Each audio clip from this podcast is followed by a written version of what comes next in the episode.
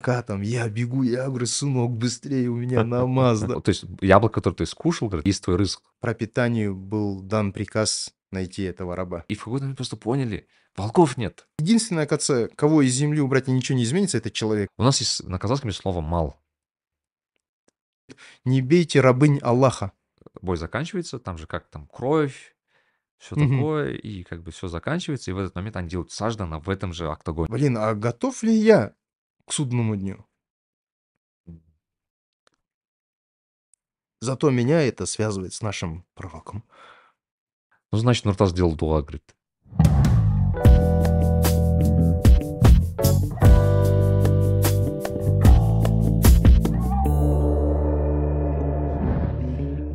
ал ассалаумағалейкум достар сіздермен мен нәрікбек және нәрікбек лайф подкасты және бүгін бізде ә, ерекше қонақ ә, өйткені бүгін бізде нұртас анабай ағамыз келіп жатыр. Нұртас аға қош келдіңіз.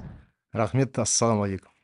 Иә біздің и айта кететін зат басында дисклеймер біз енді нұртас аға оңай болсын деп кішкене бір орыс тілінде өткізбекшісіз бірақ қазақша да сұрақ қоямыз арамызда бұйырса. Келесі жолы қазақша жазамыз деген ойдамыз иә иншалла иә.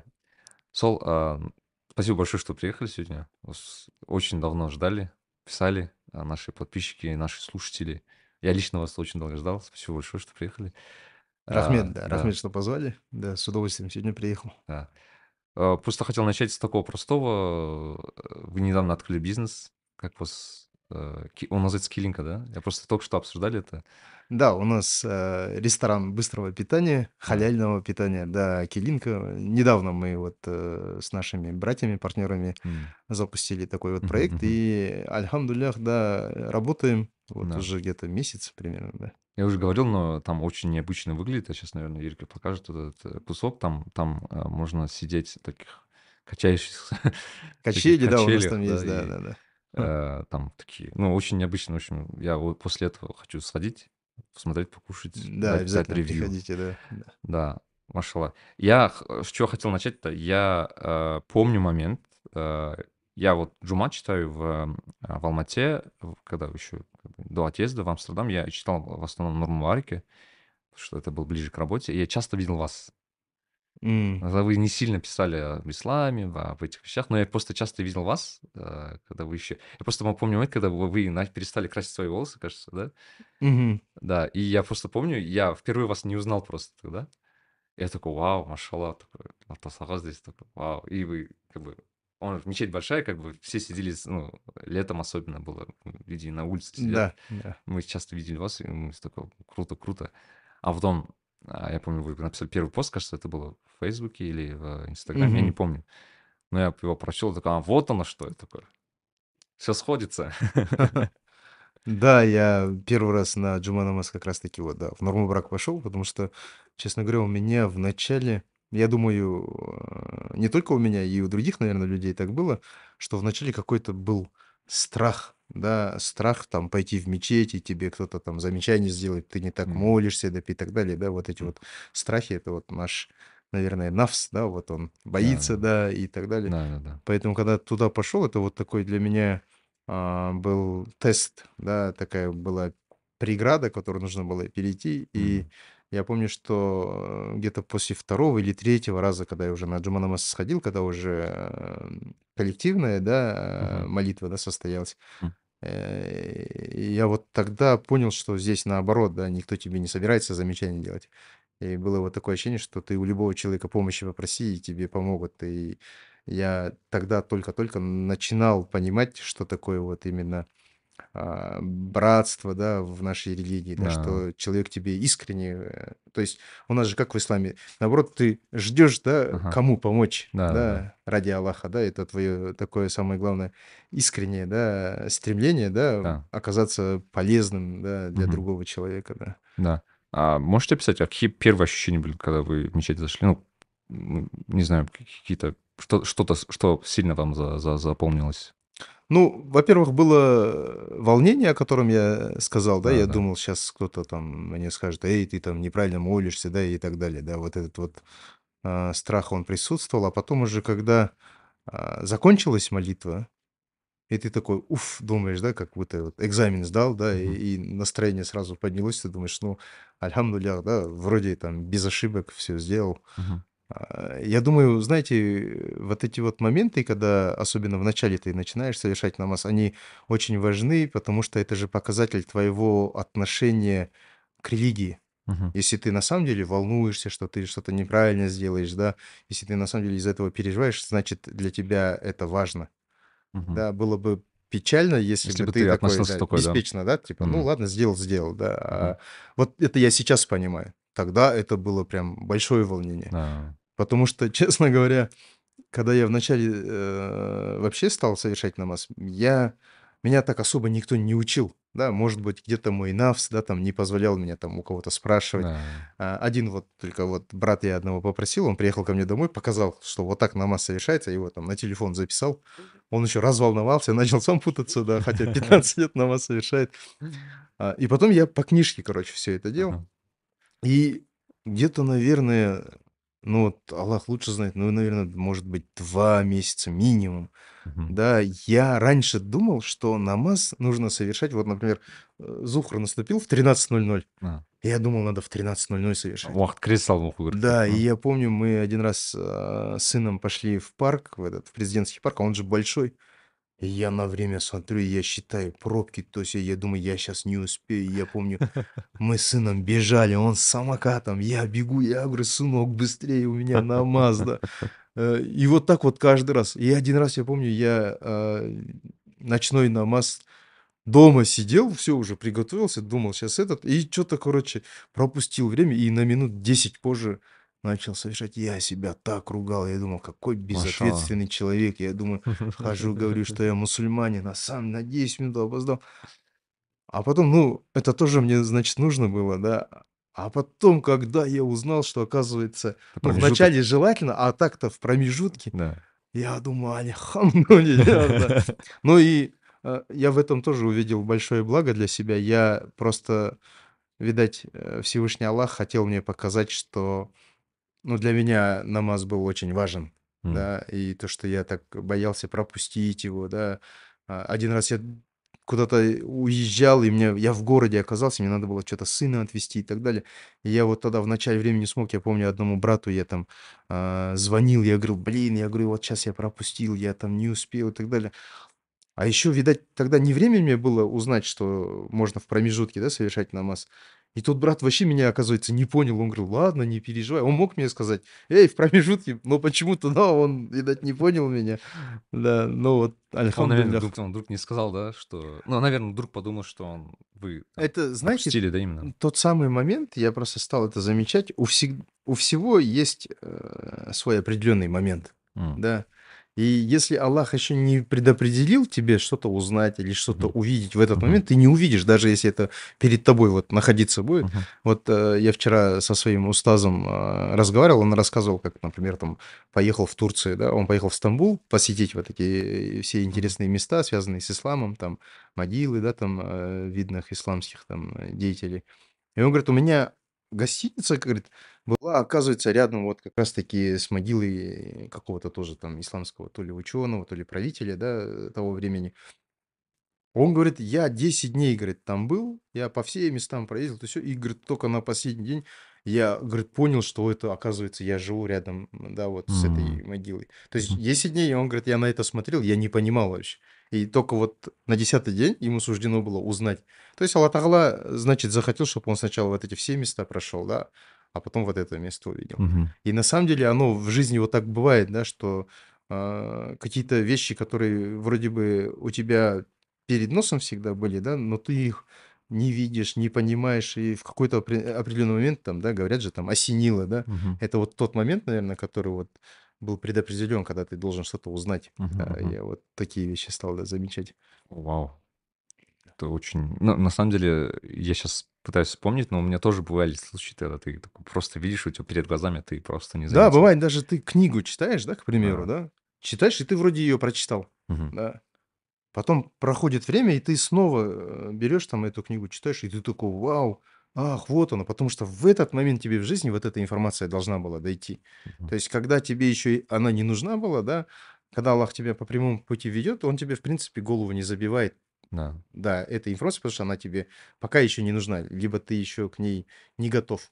Вот у меня вот история была, я как-то ездил э, недавно в Сарагаш, а там э, медресе на тысячу детей, да, там Да, в мечеть и так Сарагаше, далее. да, вот Ну устаз. да, да, ага. устаз, да, а, Абджапар Османов, да. Мгм. И вот когда я там был, я с ним познакомился, и вот устаз говорит, э, как зовут? Я говорю, Нуртас. Да, Мгм. он говорит, а ты знаешь, что твое имя означает? М. Я говорю, ну, я там всегда думал, это какой-то там светящийся камень, что ли, что-то такое, да, М. я так буквально переводил, да.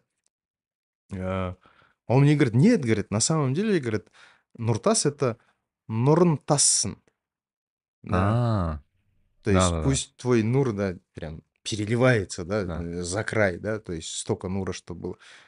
И я тогда подумал, альхамдулиллях, я 40 лет жил, и я не знал вообще, что значит мое имя, да. Я понял, что, ну вот, Аллах Тагала То свою есть милость было мне так время оказал. сейчас узнать, да, Да, мне сейчас надо было узнать, да. И я понял, что это имя, это дуга, да, то есть каждый человек, который мне там Нуртас э, обращается, он как будто мне дуга делает, да, и я думаю, альхамдулиллях, думает, да, Рахмет Аташки, который мне такое, да, там имя выбрал по воле Аллаха. И после этого я уже, когда домой приехал и так далее, я был, ну, мне понравилось, конечно, что такой перевод моего имени. А потом я буквально что-то в WhatsApp зашел, и там переписка с одним э, братом была, там по одному делу. Я что-то почему-то начал перелистывать, даже не помню, какую-то информацию искал. И я смотрю, оказывается, этот брат там за месяц до вот этих, когда я узнал, он мне, оказывается, уже писал Нурн Тассен. То есть я читал это, но тогда я не понял, да, то есть э, момент был предопределен вот как, как раз-таки вот, Мгм. когда я, э, Да, да, да, м, осознал, да, эту информацию. Это как я своей супруге иногда говорю, она говорит, вот, почему там это или это? Я говорю, эй, говорю, стопы, говорю, да. Это было предопределено за 50 тысяч лет до создания небес и земли, да, у нас уже где-то Да-да-да. в шутку это перешло, но на самом деле, да, шутка шуткой, но это же истина, да, все предопределено, и когда ты это знаешь, да, а ты это можешь знать э, только если ты мусульманин, да, то э, жить становится гораздо легче на самом деле. Да, это вот.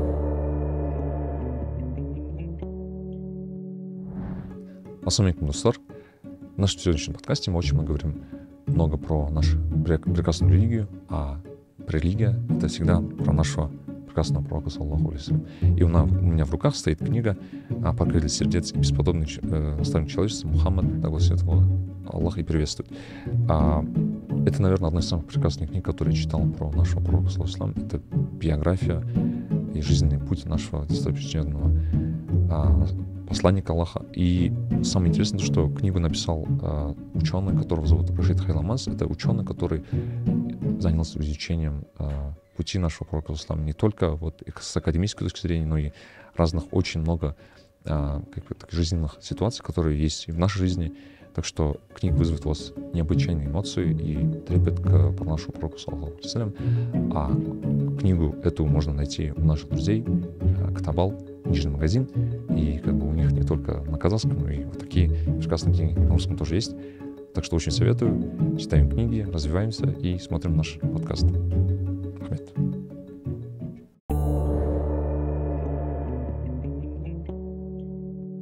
Да, Это вот я не как это как, знаете, я недавно прочел, такая маленькая фраза была, то, что риск это такая, говорит, вещь, что э, ты никогда, говорит, не поймешь, потому что яблоко, которое ты кушаешь, было определенно для тебя.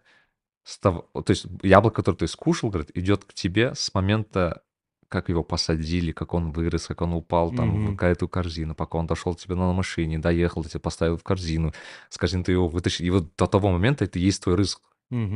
Есть он шел к тебе все это время. То есть, Ну, в священном Коране, да, есть же аят, где Аллах Тагала говорит, что я каждую вещь создал по предопределению. да. Да, у каждого предмета, у каждой вещи есть там своя миссия, да, и это яблоко, она, в принципе, и появилась, да, с предопределением быть съеденным тобой. Да.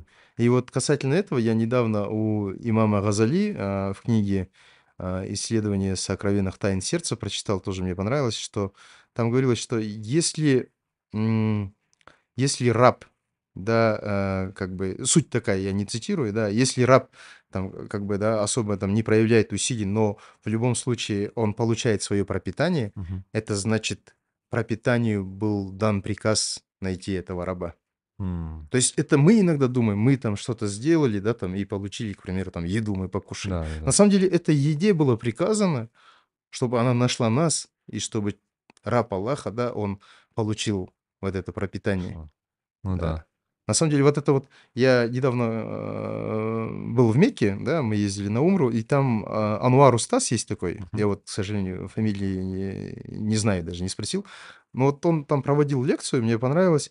Вот он говорил о том, что, ну, если по-простому говорить, вот если всю экосистему Земли взять, М. да, это же очень сложная система, да, Мгм, там муравьи, там пчелы и так далее. Все взаимодействует друг с другом, да, и Да. это идеально работает, и для Да. Аллаха это легко, да, вот это все там контролировать, да, и поддерживать. Но вот если из этой экосистемы взять, убрать пчелу, то все сломается, да, М. там убрать воробьев, то все сломается, да, какую-нибудь бактерию убери, то все сломается, оно Да-да-да. уже не сможет, да, функционировать. И единственное, оказывается, кого из Земли убрать и ничего не изменится, это человек. Человек никакой пользы для Земли не приносит. Наоборот, если человека уберешь, Земля проще. лучше станет, да, перестанут, там, экология лучше станет, загрязнять перестанут, убивать друг друга перестанут, да, и так далее. То есть, а, суть заключается в том, той лекции, да, что человек, он здесь гость. И вот этот весь мир Аллах Тааля, он создал в служении, для служения человеку, да. Да. Говорят, что, а, Аллах Тааля поработил этот мир для человека, чтобы человек осознал, а, что он раб Аллаха, да. Ну, вот так, короче, всё это, оказывается, круто Да-да-да. придумано, да. И если вот с этой точки зрения смотреть, то на самом деле даже элементарно та еда, которую мы там, э, кушаем, Да. просто ей приказано, да, ей Аллах приказал, чтобы она, да, оказалась, э, в наших Да-да-да. желудках, да. Я щас очень сильно вспоминаю, вот, э, я помню, как-то смотрел документальный фильм про один парк в Америке. А, там был прикол, что, а, в этом парке было очень много, а, волков. Вот. И они сильно доставали местных жителей, и они очень много скота кушали, и такого. И просто в какой-то момент, это было очень давно, там, в сто ну, в прошлом веке, наверно, и они взбесились, сказали: "Всё, ладно, давайте решать этот вопрос". И убили всех волков просто. Или там Мгм. кто-то их забрал, кто-то их убили, и всё такое. Короче, нету волков. Такие: "Всё, отлично". И в какой-то через сколько-то лет они, а, столкнулись с другим, с более серьезной проблемой. Э, нету растительности. Мгм. Просто зелень, ее нет просто, и она просто исчезает при прям при них. И они не понимали, что происходит. Оказывается, это были олени. М. Олени начали из-за того, что нету волков, Съедать. они начали размножаться, их стало слишком много. Они начали съедать, а, а, Мгм. очень много, а, зелени. Соответственно, а, в траве, оказывается, живут другие животные уже там. Ежи живут, там, не знаю, другие там, муравьи живут, и так их тоже стало меньше. На То влияет. есть настолько всё ухудшилось, что кроты начали идти там в другое место и так далее, и так далее. В итоге там была речка, и речка, оказывается, поменяла свое русло Мгм. из-за этого. То есть Мгм. буквально нету воды. То есть там там вообще этот, э, началась, там уже пустыня началась. И они не поняли, что происходит. Они очень долго это исследовали. Там делают, они же американцы, делают ресерчи, пытаются выяснить, да, и в какой-то момент просто поняли: волков нет. И они реально, прикиньте, взяли вот этот волков, обратно вернули, и буквально через там Всё несколько лет всё восстановилось. всё восстановилось. Ру этот, река вернулась, зелень вернулась, кроты вернулись, всё обратно Ну в то вот же когда место стало. человек пытается умничать, да, и когда он пытается, внести изменения в законы Аллаха, Да. все проблемы оттуда начинаются, да. Да. На самом деле Земля же, она так создана, что мы вообще здесь, по идее, да, нам там и работать особо не надо, да, фрукты сами себе растут, да. Одно зернышко в землю бросил, да, там, э, колосья, да, там по 100 там выросло, да, о чем в Коране Аллах пишет. На самом деле здесь, э, всё создано для того, чтобы человек просто, да, там наслаждался, да, там этой жизнью. Ну, то есть, такой же случай был, да, там в Китае, когда они решили, да, там посчитали, типа, а, там воробьи, да, съедают столько зерен и так далее, да, а если бы воробьи там не съедали бы, у нас бы зерна вот так было бы. М. И они уничтожили всех воробьев. Они там, да, там платили деньги, да, там убьешь столько там, 10 воробьев убьешь, тебе там столько денег. И Мгм. они истребили всех воробьев в Китае. Окей. И у них тоже экологическая катастрофа началась. Они потом А за большие голод был, кажется, они из-за за большие деньги потом закупали из других стран воробьев, да, Да-да-да, я потому что читал вот про они это, да. закон Аллаха хотели туда вмешаться, да, и чуть сами не погибли, да, из-за этого. Вот, потому что, ну, Аллах Та'аля же все с мудростью, да, все создал, и здесь нет вообще никаких ошибок, да. Ошибки начинаются там, где уже человек, э, человеческий навс начинает, да, Мгм. лезть. Да.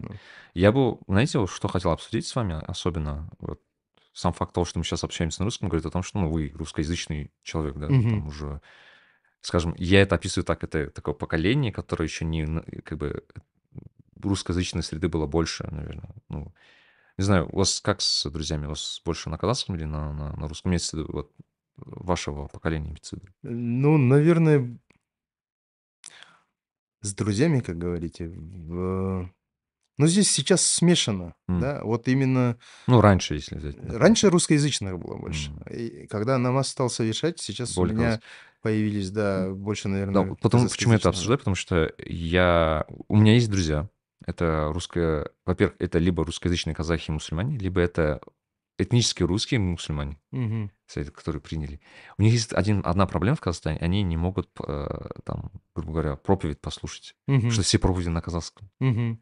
Они сидят, ну, у меня есть реально друг, который сидит, говорит, э, смотрит проповедь, просто ничего не понимает. Мгм. Потому что он язык не знает еще. То есть он хочет, но просто еще, ну, наверное, еще, ну, очень тяжело это учить.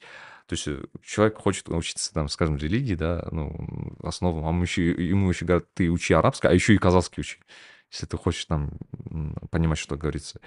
И у меня даже предложение было нашим э, устазам, давайте, говорю, в Алмате откроем одну русскоязычную, просто полностью русскоязычную мечеть, где Мгм. джума будет только на русском, там, Мгм. где проповеди полностью будут на русском. Потому что это же тоже как бы, тоже маркетинг как бы. Э, Потому что, ну, есть ребята, которые только пришли, куда им пойти? Они просто языка не поймут и так Мне далее. кажется, знаете, здесь даже э, не столько маркетинг, да, я говорю о важности э, вообще э, того, чтобы был э, русскоязычный контент, да, Да, проповеди на русском языке, потому что а, одно дело, и это важное дело, конечно, там призыв к исламу, другое дело, а, насколько вот я знаю, да, и я думаю, это соответствует действительности, случилось так, что вот у нас ханафитский масхаб, да, да, и на самом деле у нас почти все там проповеди только на казахском языке проходят. Мгм. И получается русскоязычный человек, который не понимает казахского языка, Да. да, в силу обстоятельств, от которых, которые от него не да, вот зависели, это. да, Мгм. да, но он тянется к исламу, да, он ищет Аллаха, да, и этим пользуются как раз-таки э, деструктивные течения, Да, которые предоставляют на русском языке. да. То есть у человека, получается, и как будто и выбора уже нет, да, то есть он хочет получать знания, да, здесь ему говорят, брат, пойдем, мы тебе расскажем. Да. Здесь доступный язык, он туда уходит, да, и а, поэтому у нас, да, там а, есть, да, там представители всяких там Течение, течений, да. ага. Поэтому я думаю, что э, на это должны обратить внимание, конечно же, представители там а, муфтията нашего, да, Да. чтобы увеличили, да, чтобы в этом направлении, да, была проведена там работа должным образом, да, в нужных э, необходимых объемах, да, чтобы у нас э, люди могли получать и знания, да, и там, ну, чтобы и проповеди, да, проводились э, на русском языке тоже, да. Да, Это одна из причин того, что мы стали э, выпускать наш подкаст «Нурадам», да, да, куда мы приглашаем устазов, да, да, да. там э, людей знающих, чтобы на русском языке было что-то, да, там послушать, Послушать. посмотреть, да. Потому что я это очень долго обсуждал с Ирсен Устазом, с Азамат Устазом нашим, которого тоже позвали, кстати. Вы- а, кстати, вы Ирсен тоже Устаза Да, звали, да.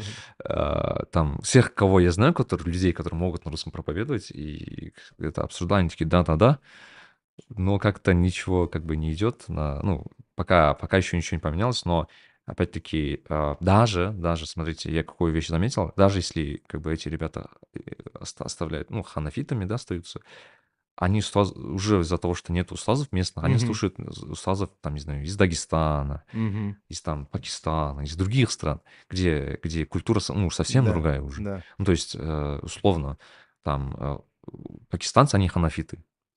Но у них урф другой, как, как они говорят. Урф — это как бы қазақ тілінде әдеп дейді, ну, это как Мгм. культура другая, да, совсем. Мгм. И а, как бы из-за из-за этого у них как бы фиг, вот этот э, с- прав, а, прав- а, вот именно права, э, Мгм. именно за- э, как бы работает по-другому, да, Мгм, чуть-чуть, из-за того, мгм, что мгм. местный уровень немножко отличается. А, и у меня были конфликты насчет этого, потому что как бы это не течение, это как бы два ханафита общаются, и М. один другого как говорят, канцелит, потому что, говорит, вот ваши традиции, говорит, неправильные, потому что вот я читал, наш устаз так сказал, а устаз не местный. Как бы я говорю, ну, брат, это не так не работает, как бы устаз же не местный. Ну, Мгм. э, и так, значит, на этой почве было немножко много разногласий когда-то. Мгм, мгм. Кажется, вот такой еще момент есть. Да, и это очень, на самом деле, очень важный момент, да. Э, я думаю, что, каждый должен заниматься своим делом, и наша, например, там, э, думка, да, там, муфтият, они Мгм. должны, э, обратить внимание, да, на этот момент. Да. Мгм. Слушайте, вот я общаюсь с разными, а, представителями нашего общества. Когда идет речь о вас, идет разные мнения. А, я просто говорю то, что я слышу, да, Мгм, это не мои утверждения. А, э, та часть общества, которая там очень большая часть общества, которая си сильно поддерживает, просто ваши фанаты и всё такое. Но есть часть общества, которые очень как бы, э, по-разному к вам относятся. Мгм. С там в силу разных причин. То есть в силу того, как, а, не знаю, многие оценивают вас, э, с контекстом вашего прошлого. Ну, Мгм. я это знаю. То есть вы там раньше снимались в кино, вы начали щас заниматься больше таким нынешней деятельностью, да. Мгм. А некоторые люди оценивают вас по вашему "Фейсбуку". Я помню, вы, кажется, одним из самых популярных людей вы были в "Фейсбуке", если до Мгм. сих пор, да, являетесь. Мгм. А есть часть общества, которая там из-за прошлых событий, прошлого года событий, там, насчет этого мультика начала вас, ну, грубо говоря, канцелить. И мне было интересно это наблюдать. Ну, в плане, типа, мне было интересно с ними обсуждать это, почему они так думают и так далее, и так Мгм. далее. Я просто одно понял, то, что, а, иногда кажется, что, э, ваша деятельность, э, дергает некий нерв у людей, некоторые. И, ну, скажем так, с мультфильмом, да, скажем, вот этим. Мгм. То, что вы выразили свое мнение, это же не ваше, скажем так, эм, как сказать, не вы же запретили, да, его, но вы Мгм. как бы, а, выразили свое мнение об этом. И таким же образом мог бы и выразить люди и другие люди таким же вот образом, но его отмена- это было больше как бы не ваше решение, а решение, скажем так, министерства и так далее, и так далее. Мгм. Но, а, как вы сами чувствуете это? Чувствуете ли вы вот этот, э, ну, не только ваших, скажем так, э, э, людей, которые вас поддерживают, но и ту часть, общества, которая вас не поддерживает? Как вы к ним относитесь? Либо как вы в целом чувствуете себя в этом в этом плане? А, очень, хороший вопрос. Да, на самом деле мне самому, стало интересно. Смотрите, мое отношение, да, к тому, что вообще происходит, я скажу так, да. Вот когда я маленький был, а, все мы были когда-то маленькими, я любил читать сказки. Тогда там Да. и "Ютуба" не было и так далее, да. Да. Поэтому, э, сказки я только в книгах находил, да. А в книге чё там много-много страниц, и там какая-нибудь картинка, да, там М. нарисована, иллюстрация, да. И ты её можешь долго рассматривать, и у тя фантазия начинает работать, да. И когда я сказки читал, я верил в чудеса. Потому что ребенок же, Мгм. ребенок- это человек, которого еще там не успели там обмануть, предать и так далее. И у него сердце открыто для того, чтобы верить в что-то хорошее, да. Там представляешь какие-то там восточные дворцы, да, когда читаешь там сказки, да. Потом, оказывается, человек становится взрослым, его там обманули, здесь, а там обжегся, то сё. Он уже перестает доверять этому миру. Да, ему кажется, мир такой, да, там, а, нуж Мгм. нужно ждать всегда подвоха, да, и перестает верить в какие-то там чудеса, да. И когда вот я стал, а, начал по воле Аллаха, да, там совершать намаз, да, стал читать, да, там исламскую исламские книги, да. И и когда вот Аллах та Ала привел на этот путь, я понял, что я вот те ощущения где-то из детства стал вспоминать. Я снова стал, э, верить в чудеса, потому что они стали происходить везде вокруг меня, Мгм. да. Оказывается, жизнь- это не такая вот эта вот сухая, да, там: родился, отучился, работаешь, зарабатываешь, умер, всё, да. Мгм. Оказывается, да, это всего лишь, да, там миг, да, перед чем-то большим, да. И этот миг тебе Аллах та Ала дал, чтоб ты смог себя там проявить и завтра, иншаллах, попасть в рай, Мгм. да. А рай- это вечность, да, рай- это вечное блаженство, да, и так далее. Там столько ништяков, да, Да. а, вот. А, и я как-то так далеко, да, начал. А, и вот когда эти события стали происходить, это же тоже путь. Ислам- это путь, Да. "Сирот аль-мустаким", веди нас по прямому пути. И я, а, сейчас стал, если анализировать прошлое, да, а нас Аллах всегда учит там размышлять, да, и так далее. А, я понимаю, что те события, они опять же были предопределены в моей жизни, и они были очень важны для меня. Да. Потому что для меня это был тогда такой вот тест, да. Мгм. Когда, э, этот мультфильм, э, хотели показать в нашей стране, я прочитал в новостях, что там ряд мусульманских стран, да, они выступили против, да, они запретили показ. Я подумал: я мусульманин, Мгм. слава Аллаху. Э, я знаю, что подобное, да, оно под запретом. И я стал понимать почему. Потому что это разврат, да. Все вот эти вот, движения и так далее, да, которые идут против природы, Мгм. которые идут против законов Аллаха, они должны быть под запретом, да. Мгм. Мужчина- это мужчина, женщина- это женщина, да. Мгм. Опять же, когда человек пытается вмешаться в законы Аллаха, да, это к чему может привести, да. То есть, э, что шайтан хочет, да, чтобы людей там, да, там стало меньше, да, там, чтоб разврат начался и так далее. Поэтому я понимал, что, казалось бы, со стороны, да, если посмотреть, безобидный мультфильм, на самом деле он не такой безобидный. Да, они сегодня нашим детям хотят внушить, что это нормально, когда мужчина там живет с мужчиной или женщина там живет с женщиной, да. Я понял, что, э, здесь для меня было важно выразить свое мнение, потому что Аллах всё видит, да. Это как, знаете, вот в истории, э, с пророком Ибрахимом, алейхиссалям, да, когда его, э, на катапульте, да, там бросили в огонь, да. Да-да-да. И вот он когда летел, и, там снизу муравей бежал, да, вот с такой маленькой каплей воды. Там, то есть, Да-да-да. огромный костер, да, и когда у муравья там спросили: "Ты типа, а чё ты эту каплю туда, э, несёшь? Ты же не потушишь, это же нереально". Мгм. Он говорит: "А я не знаю, то есть меня не заботит, потушу или нет. Я делаю то, что я могу сделать". Да. Да. И там же летела птичка, которая ветку, да, там несла. То есть она тоже костер не увеличила бы, да, пламя. Но у неё было намерение навредить, чтобы было больше огня. Хоть настолько, но больше, да. И и здесь же. И я понимаю, что в тот момент, да, я, наверное, был тот самый муравей, который свою каплю а это был всего лишь сторис, да, где я написал, да, там: "Касымжан Кемельевич, да, давайте запретим этот мультфильм, да, для показа на территории нашей страны". Потом, альхамдулиллях, как это всё там разгорелось, да, и так далее. Я помню, я тогда был вообще в роддоме. У меня у меня жена рожает, а, родила уже, да. Мы в этой палате, там ребенок, а я вдруг с телефоном, да, я там смотрю, дув-дув-дув, началось все эти комментарии. Вначале, э, конечно, у меня какое-то негодование было, да. Я думал: "Что такое? Ах вы там, туда-сюда". Но Аллах тогда внушил мне, да, вот этот вот сабр, что я должен проявлять терпение, потому что, э, мы же мусульмане, да, и хотим мы этого или нет, по нам судят о религии в целом, да. Мгм.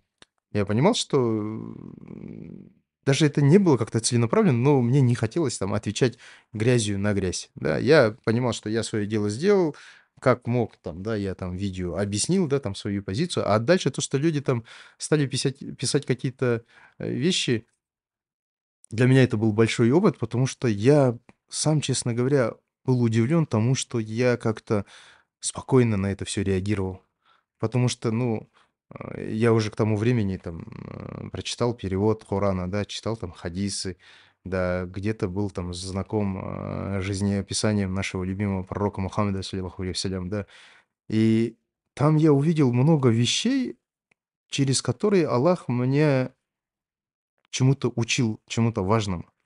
Да, вот что мне в тот момент помогало, когда на самом деле столько там грязи полилось а, конечно, у меня где-то была, э, в какой-то момент у меня обида возникла, да, там на, э, там других людей. Я там, э, попросил, да, там своих там знакомых, да, я, у которых тоже там есть аудитория. Я говорю: "Выступите против, вы же против, Мгм. да, того, чтобы нашу молодежь, наших детей развращали подобным".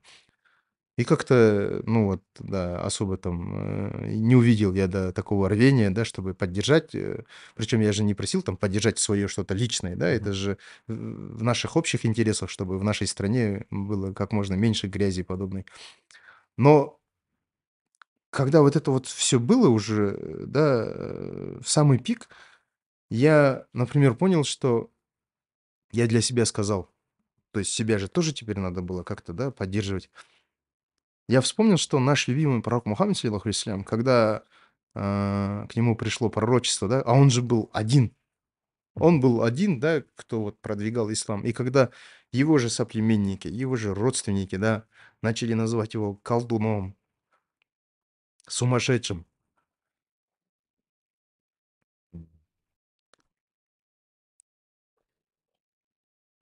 когда все это происходило, он же был один.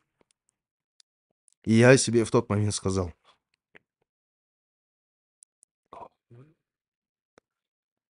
бисмилля. Я себе сказал, что вот, вот эта ситуация, Аллах мне дает хотя бы там на 0, целых, там, не знаю, одну миллионную, да, э, часть ощутить то, что ощущал наш пророк. Я себе сказал, меня, зато меня это связывает с нашим пророком.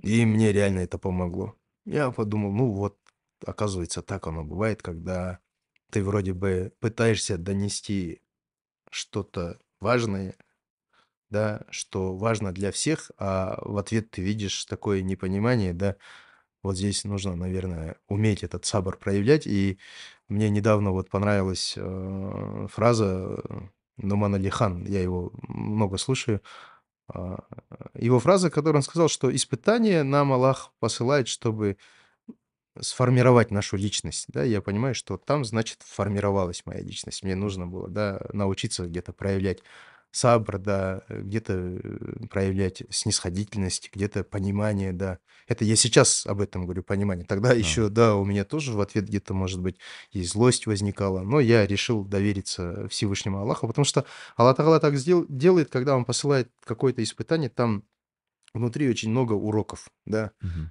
И вот э, одним из уроков было это вот там проявить терпение, да. Потом я понял, что раньше, оказывается, я очень много уделял внимания а, чужому мнению. И у меня работа была, она связана, да, там, с публикой, да, там, КВН играл, там, такая публика, стал снимать, там, сериалы, такая публика, кино, там, еще больше публики, да, и я стал сильно зависеть от чужого мнения.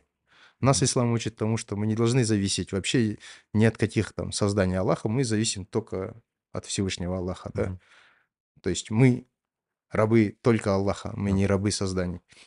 И я понял, что это я сейчас понимаю, что э, это была такая проработка, чтобы я перестал э, зависеть от э, мнения людей. Да, для меня э, важно только то, как Всевышний Аллах относится к тому, что я делаю.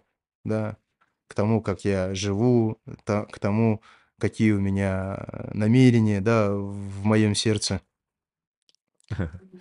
А, И поэтому вот это вот э, то, что э, разные мнения присутствуют, альхамдулилях, для меня это тоже было показателем того, что Коран, он не спослан Всевышним Аллахом, что Коран истина, потому что в Коране Аллах Тагала предупреждает, что э, есть такие люди, есть такие люди, есть такие люди, да, есть те, кто истину несут, есть лицемеры, есть враги истины, да, которые там ложь продвигают и так далее. Поэтому для меня здесь тоже было показательно, что, да, есть люди, которые там, которые просто там по своему невежеству, да, там что-то пишут. Есть прям кого претит от самого даже слова ислам, да, то есть там человека не трогаешь, да, но ему хочется вот эту вот грязь. И там, знаете, вот часть из них не столько были, наверное, их там комментарии, да, их злость направлена против меня как личности, да, а именно против того, что да, это продиктовано именно в исламе, да, что Да. такое должно быть под запретом, да. Ну и вот э, недавно то, что тоже, да, там а, небольшая, э, если можно сказать, там а, небольшой шум там был, да, там вокруг футбола, да, то, что, опять же, Мгм. я у себя э, в сторисе там выставил, да, и там какие-то СМИ подхватили, да, начали где-то там переиначивать там слова и Мгм. так далее, да, и там комментарии. Это был тоже такой вот хороший опыт для меня, потому что, ну, когда человек в пути, если ты вперед двигаешься, да, и здесь что-то с собой происходит, ты просто уже а, по своему внутреннему ты э, определяешь, есть ли у тебя изменения или нет. Мгм. Да, то, как ты там реагируешь, да, там на определенную ситуацию. Потому что в этот раз, когда там тоже какая-то грязь полилась, альхамдулиллах, я понял, что, ну вот Аллах так сделал, да, что я Да, уже практически, да, там перестал реагировать. То есть где-то уже снисходительность включилась, да. Здесь да, уже не было в ответ какой-то там а, озлобленности, наверное, да, там э, в той мере, как до этого была, да, там. да, А а здесь я понял, ну, просто эти люди еще не понимают, э, да, э, чего-то важного. Пока так случилось. Дай Аллах, чтобы они тоже, да, там а, пришли, да, Аллах Тагала привел их там на прямой путь. Но если сейчас они не понимают, нужно... Это тоже есть аят, да, что мы, мусульмане, должны проявлять э, снисходительность, мы должны там держаться подальше там от невежества, да, прежде всего от своего невежества, да, поэтому Э, я благодарен Всевышнему Аллаху за то, что э, Он посылает вот такие вот уроки, и самое главное, Он дает а, силы э, эти уроки проходить, извлекая, да, полезное. Вот это да. очень важно, да.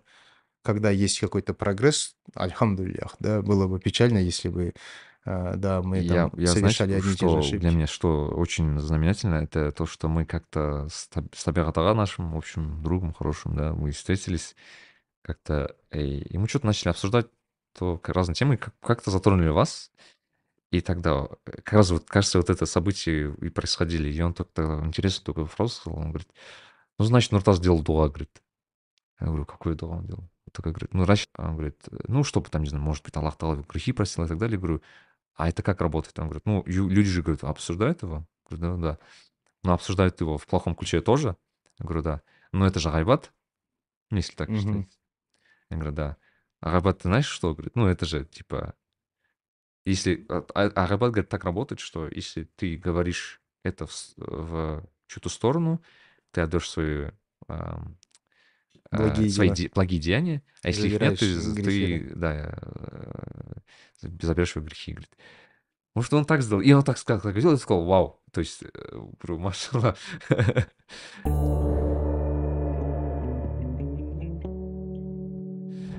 У меня такой вопрос, смотрите. А, Один из комментариев в тот момент, который, когда я следил, это был то, что вот вы акцентировали на отмене конкретно вот этого мультфильма. И там был такой момент, что, типа, много же и других проблем, типа такого, в таком ключе был вопрос, типа, один из, например, это был то, что, например, у нас есть женское насилие, там, образование, экология, все остальное. Почему вы именно акцентируете на этом и так далее, и так далее. Я не помню, как вы отвечали на это. Я помню, что вы сказали, что типа, это тоже важно, мы будем это тоже обсуждать. Мгм. А, но вот это настроение есть. То есть э, это как раз-таки о том, что я обсуждал, то, что некоторые думают, что есть более важные вещи. Как вы думаете насчет этого? Я отвечу так, ну вот, да, если там сравнение брать, да, А, а причем сравнение это, оказывается, очень действенный способ объяснения, это и в Коране есть сомнения, да, и пророк Мухаммад, алейхи да, пользовался этим методом. А вот, например, взять дом, мгм, да, вот в доме, например, там течет крыша, да, сломана там стена, не работает там эта печка, да, там сломалась и так далее, да. мгм. То есть есть разные проблемы. И Да, кто-то здесь выходит и говорит, давайте починим крышу, да. Если сейчас не починим, завтра вообще всех зальет. И мгм, другой выходит, смотри, говорит, у нас печка сломана, да, у нас стена сломана. Чего ты говоришь, крышу надо чинить? То есть, если печка у тебя сломана, там стена сломана, это же не значит, что не надо чинить крышу. Правильно? м, Да. То есть, если есть проблема, нужно а, ею заниматься, да. Те, кто говорят, у нас и других проблем хватает, ну, наверное, вместо того, чтобы говорить, у нас другим, других проблем хватает, займитесь теми проблемами, раз вы их видите, да, мгм, раз Аллах Тагала обратил ваше внимание, да, на да, эти проблемы, занимайтесь ими, да. А, по поводу, вот вы сказали там женского насилия, да, и так далее. Я тогда на самом деле так ответил, что этими вопросами, да, тоже нужно заниматься. Я понимаю, что нужно. Я вот буквально вчера со своим устазом мы этот момент обсуждали. Вот некоторые наши, например, там, а, там люди, да, там они там критикуют там, ой, там э, феминистские движения, да, и так далее, да, там есть мусульмане, которые, да, там как-то так очень э, с непониманием относятся, да, там, ой, феминизм и так далее. На самом деле феминизм, как мне кажется, появляется где, да?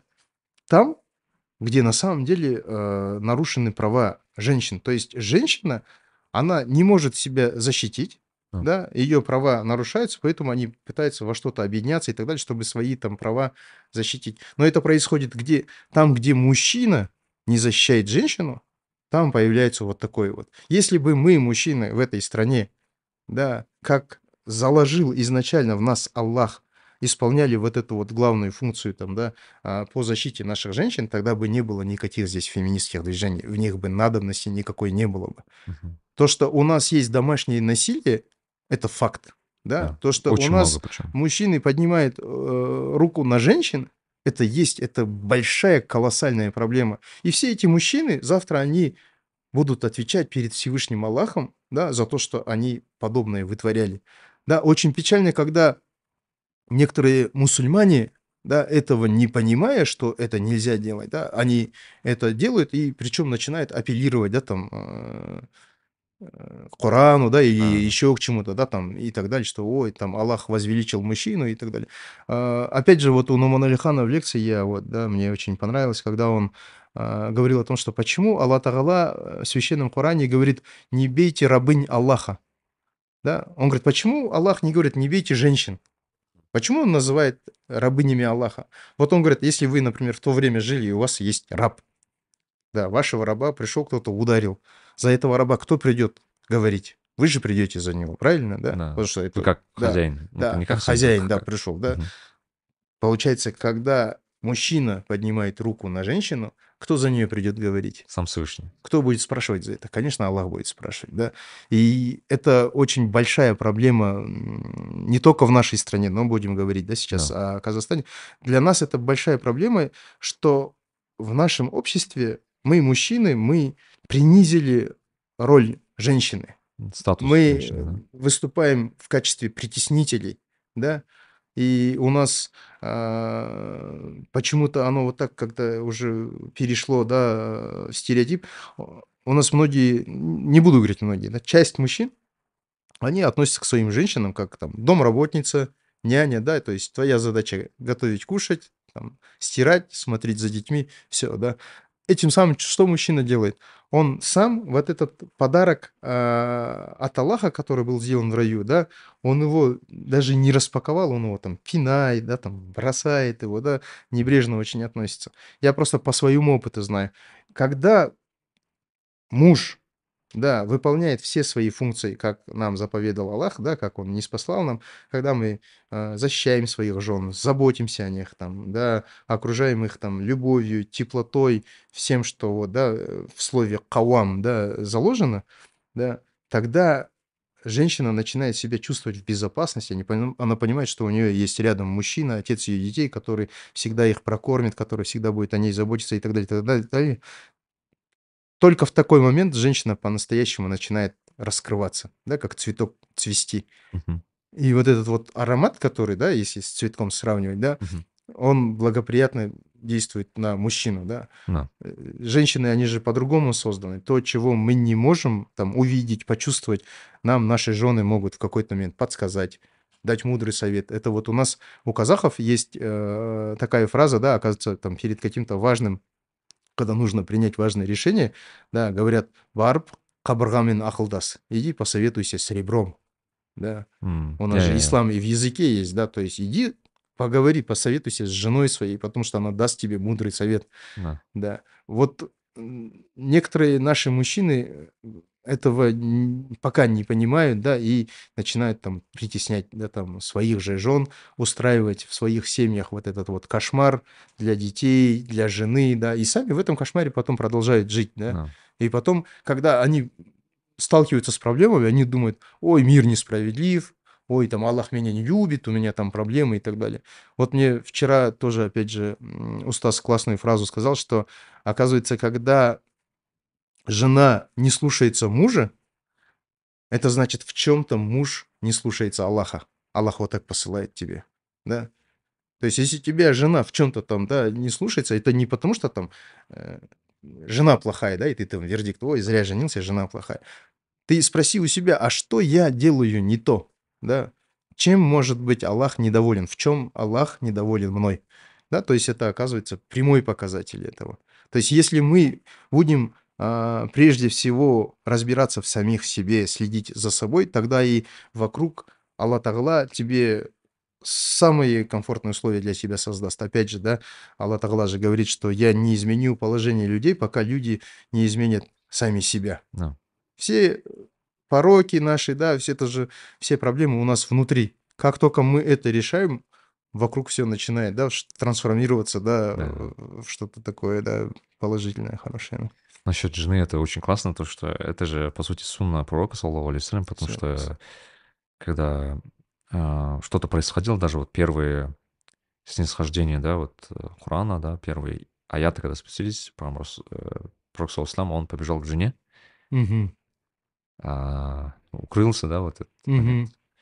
И это же э, жена пророка, э, саллаху алейхи это, это она убедила, Хадиджа радиаллаху анха, она, она убедила, что сказала. Как она убедила? Причем она сказала, ты не притесняешь людей, ты заботишься о близких, ты делаешь все хорошее, Аллах Тала не может тебя а, там, наслать тебя на шайтана и так далее, и так далее. И он же, потому что сказал, ну, это было, я просто, это как бы на словах просто, но это, это мы не можем даже близко даже Мгм. представить, мне кажется, это состояние. И даже в этот момент жена пророка, алейхи, она, Хаджа радиаллаху анха, она просто успокоила а, нашего пророка. И я просто по-своему знаю то, что, ну, я как бы в прошлом году женился, то есть даже года нет, но а, это, это на самом деле большое благо, а, потому что у меня лично так работает, то, что я, что-то происходит, я не знаю, что делать, я всегда советую с женой. Мгм. И легче становится Да, я сразу, да? такой, да, я что-то происходит, и это, и это действительно благо в, план- в том плане, что некоторые, она может даже не ответить, но даже вот сам процесс, что ты поговорил, в этот момент что-то происходит. А, вот оно что, и так далее. Ну, мы же еще энергетически же, да, Да. связаны, да, Да, на да, самом деле да. иногда даже и слов не нужно. Вот Да. у меня тоже в жизни бывает, буквально там вчера один какой-то вообще вопрос меня что-то начал терзать, и я хожу, да, хожу, и еще жене не говорю вот этот, да, Да. наущатель, да, говорит, что ты будешь ей говорить, это же вообще ерунда, а он меня терзает, терзает, и я думаю, для меня это какая-то проблема стала в какой-то момент. Потом я думаю, блин, в прошлый раз я вот так вроде у жены спрашивал, мне легче стало. Я жене говорю, вот, вот так, вот так, вот так. Говорю, да, вот это вот меня что-то этот мучает. А Она говорит, «Да ладно, это же вот так, вот это. И для нее это так легко вообще. И альхамдулиллах, я так себя хорошо почувствовал. Я подумал, оказывается, это вообще не проблема. Да, то есть здесь этот э, шайтан, да, хотел, чтобы я из этого, та- это же он нам иллюзию, да, рисует в голове, типа это проблема и так далее. Но вот Аллах Тагала нам лучшего друга в виде жены он дал, который всегда рядом с тобой, который тебя любит, да, который о тебе заботится и так далее. И он тебе всегда, да, там, ищите там успокоение в своих женах, да, мы там и успокоение найдем, и мудрый совет найдем. Потому что жена, она априори, да, она там, тебя там не предаст, да, потому что она тебе желает блага, она желает там блага а, там вашим детям, да, и э, вот этот подарок от Аллаха нам самим нужно, да, им правильно пользоваться, да, в хорошем смысле, Да. да, не пинать его, там, в чулан не ставить его, да, там, и там, не знаю, в какое-то грязное место, да, а наоборот, да, альхамдуллях, да, благодарите Аллаха, что у нас есть, да, э, наши жены, да, которые являются там половиной, а, да, твоего же имана, да, Да. это же э, большое дело, да, не больше, не меньше, половина, да, это даже не 49%, да, а это прям половина, это немало. Это еще же, насчет, мы, а помните, обсуждали насчет рыска, это тоже қазақта сөз бар ғой, типа, бас екеу болмай, мал екеу болмайды. То есть, пока вы, вы не, бас не, как мало екеу болмайды, то есть, если буквально перевести, это пока ты не женишься, у тебя не станет, э, э, не станет настолько много риска. М, Машаллах. Вот такое. это. Вообще, знаете, вот да, я э, по воле Аллаха вот в последнее время э, стал вот больше э, поворачивать голову, да, вот в сторону казахского языка, потому что, альхамдулях, я стал понимать, что наш язык настолько наполнен исламом, да, вот даже элементарно, да, когда умирает казах, что говорят, да, люди? Они говорят, қайтыс болды. Ха, өлмеді. Да, он вернулся, да, он вернулся к Аллаху. Да? Мы Қайтты. не Или- говорим, Или қайтты дейді. Ну, да. иногда, Да. мы же не говорим өлді, да, өлді там собака там и так далее, животное. Про человека так не говорим. Это в нашем языке есть, да. И мы должны это ценить, то, что нам Аллах дал. Мы сами иногда там, да, м, должным образом не относимся к тому, что у нас есть. Это как вот, знаете, там а, с исламом, да, вот когда в моей жизни наступил такой момент, когда я там стал искать ответы, я был вынужден, да, искать, потому что я понял, что что-то, короче, не то. Потом я понял, что кто-то есть, должен быть Бог, да, потому что если его нет, тогда нафиг все это нужно вообще, да. Мгм. Я начал искать Бога, а потом, ну, а как Бога найти, да? Это как бы э, такой сложный, наверное, э, момент, потому что ты думаешь, есть там христианство, иудаизм, буддизм и всякие-всякие там Мгм. религии, там конфессии, течения и так далее, и так далее, и так далее. И вот я там тогда там поехал там, я не знаю, там в одну страну, да, там в Мексике был, да, там а, там что-то искал, какие-то ответы, там в Индию поехал, потом в другие места ездил, ездил, да. А потом все так случилось, и хорошо, что так случилось, что уже когда там посмотрел, это посмотрел, да, а, вернулся к себе домой, это как в, э, у Паула Коэля, да, в. «Алхимике», да, Да-да-да. где вот он заснул, вот он туда вернулся, то, то же самое со мной произошло. Вернулся домой, а оказывается, ислам истина. Оказывается, истина всегда была. Оказывается, истина, она в нашем языке, в моем, то, что я уже произносил, она всегда была истина, да, то есть э, то, что самое важное для меня, оно, оказывается, оно у меня всегда было, да, просто я, э, ну вот, куда-то в сторону смотрел, да, а надо было ну вот, да, обратить внимание, то, что у тебя уже, в принципе, было изначально. Поэтому а, тоже такой вот очень а, хороший урок, да, Аллах преподал, что, ну А вот, как у вас с казахским сейчас отношения? а, с казахским, ну, конечно, хотелось бы, э, чтобы ситуация а, обстояло лучше, чем есть, да, но, а, иншаллах, есть намерение. Я понимаю, что э, теперь уже не просто нужен мне язык. Вот, наверное, раньше у меня восприятие было, что мне нужно знать казахский, а потом нужно для чего? Ответа нет. Ну, для чего? Я по-русски разговариваю, в принципе, мне хватает, да, то есть люди меня понимают, да. А сейчас я понимаю, что я, а, наверное, перехожу в ту стадию, когда я хочу знать свой Для родной себя, язык. Да. в первую очередь, да. Вот я, например, там э, хочу продолжать там снимать кино, да, ищу там сценарий и так далее. А я понимаю, что у меня дома есть там книга, да, которую э, там написал мой дедушка, да, но она на казахском языке. Пока я не могу ее прочесть, потому что я еще там, да, не владею, да, в достаточной степени, да, там, языком. Но я знаю, что значит настанет тот момент, когда я смогу ее прочесть и на самом деле понять все, что мой а- Аташка в нее заложил, да, а там есть и о событиях там, да, тридцатых годов, о Голодоморе, да, о Второй мировой войне, вообще история там наших предков и так далее. Поэтому Конечно, хочется, да, знать свой язык, хочется, чтобы а, дети мои знали, да, свой родной язык, да, мне уже и жена говорит, да, надо А вы с сыном на каком разговариваете? На русском? Пока. Да, да, да. Ну, значит, пока оно так должно быть, Просто да. у меня есть случаи, когда есть у меня один друг хороший, а, он на самом деле, как вы, ну, тоже русскоязычный достаточно, он в такой среде просто вырос. Но вот он пытается все сделать, чтобы именно со, со своими детьми на казахском общаться. Мгм. Именно со своими детьми, потому что он хочет, чтобы он э, как бы, э, чтобы его дети именно вот так его запомнили. Что именно с ними он всегда на казахском был. Э, Это выглядит немножко смешно, потому что у него очень сильный акцент на казахский, но, э, но как бы с его детям же это, ну, это же, это же не так. То есть, вау, это классно, значит, значит, так надо говорить. И это так классно, потому что я вот, э, я вот начал практиковать э, религию, там, не знаю, в школе, что, наверное, я был, кажется, в 10 классе. А, а потом, когда уже ходишь на улицу и так далее, ви- ви- видишь, эм, я могу многие вещи объяснить на казахском, но абсолютно не знаю, как это а- а- обс- а- объяснять на русском. Потому что я не знаю таких слов просто. Мгм. А, потому что я вырос там в казахской среде. Потом я начал там других устав слушать, оказывается, есть слова, но и, и то они звучат как-то, ну, для меня лично, как казахоязычного, звучат как-то, ну, неестественно, типа. А, э, ну, ну, просто при- приведу пример. У нас на слово аурат. Аурат это, вот, как вы знаете, это, вещь- это части тела, которые нельзя показывать другим людям. Да? Мгм. Қазақта это говорит әурет. У нас әурет. И я знаю слово әурет, я не знаю, что есть... Я, и смотрите, я не знал, что... Я знал слово әурет, но не знал, что он арабский. Есть я не знал, что это арабское слово. Мгм.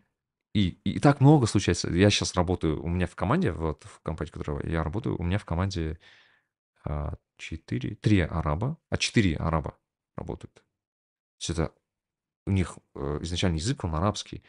И я так удивляюсь, у нас столько слов, оказывается, Мгм. общих. Мгм. Я просто сижу, я говорю, у вас же вот так, да? Он говорит, а у меня, говорю, у нас, у нас говорю, так же. Даже вот, что вы понимали, доходит до того, что у них... У нас есть на казахском есть слово «мал». «Мал» — это, ну, скот Мгм. в этом планете. В арабском есть слово «мяль». А, знаете, что это значит? Что? А, деньги. Э, Точнее, имущество или деньги.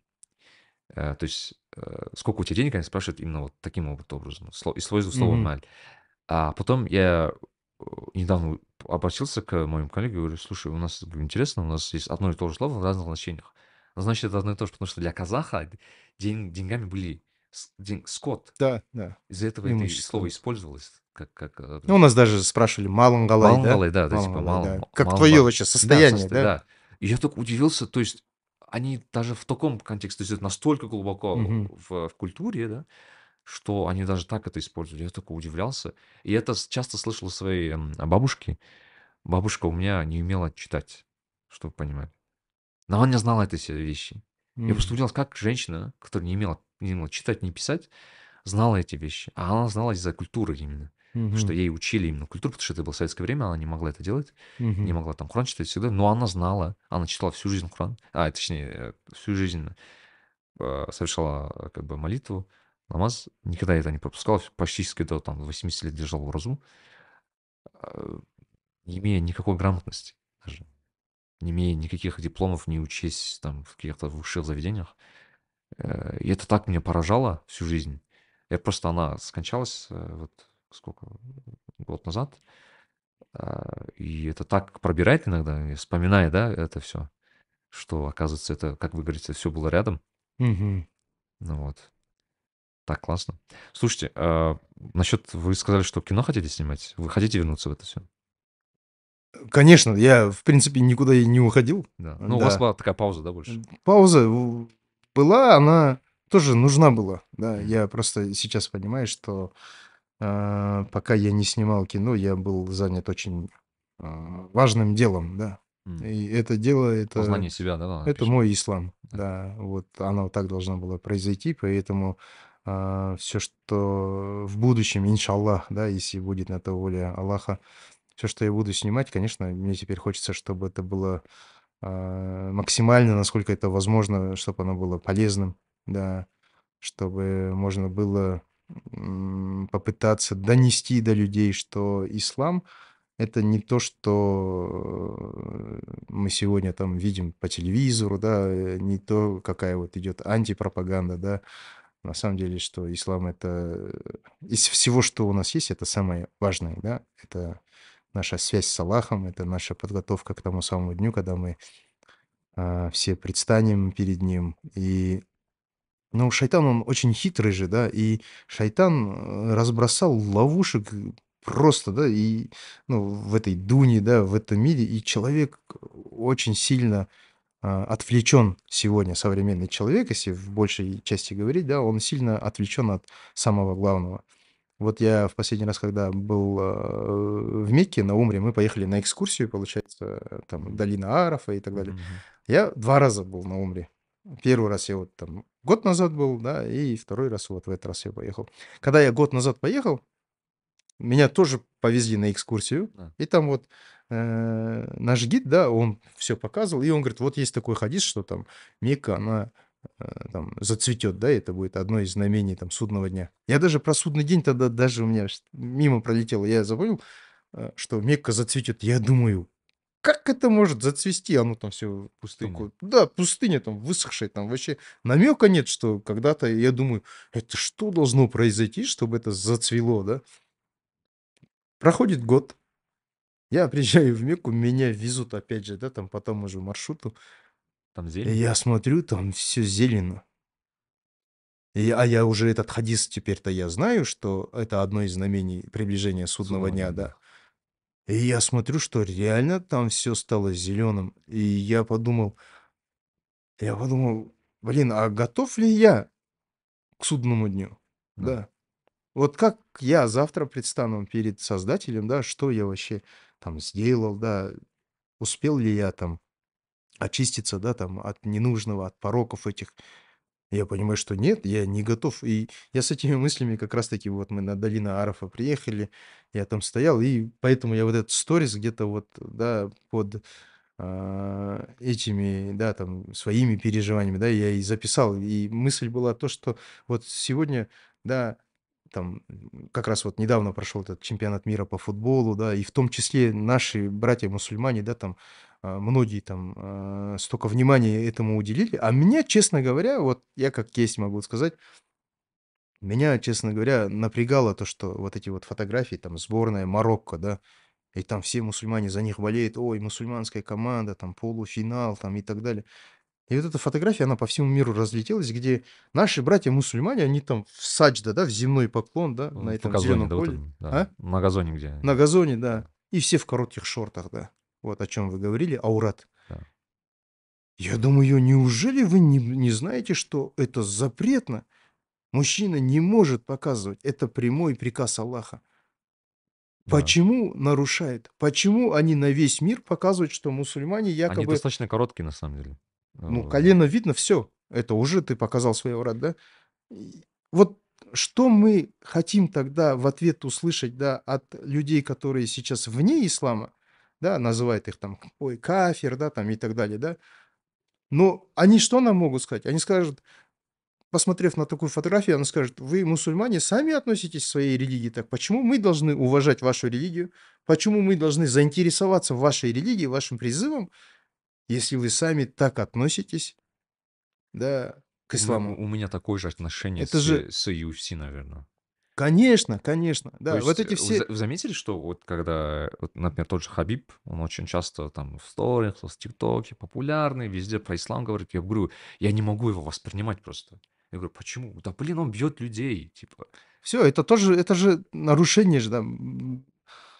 Э, и, Вот вы там про Хабиба сказали, да, эти там тоже, и я там смотрел, он даже где-то на пресс-конференции там он отвечал, да, что он там понимает, что это неправильно, но почему-то, да, там он пока э, как бы, да, там в теме.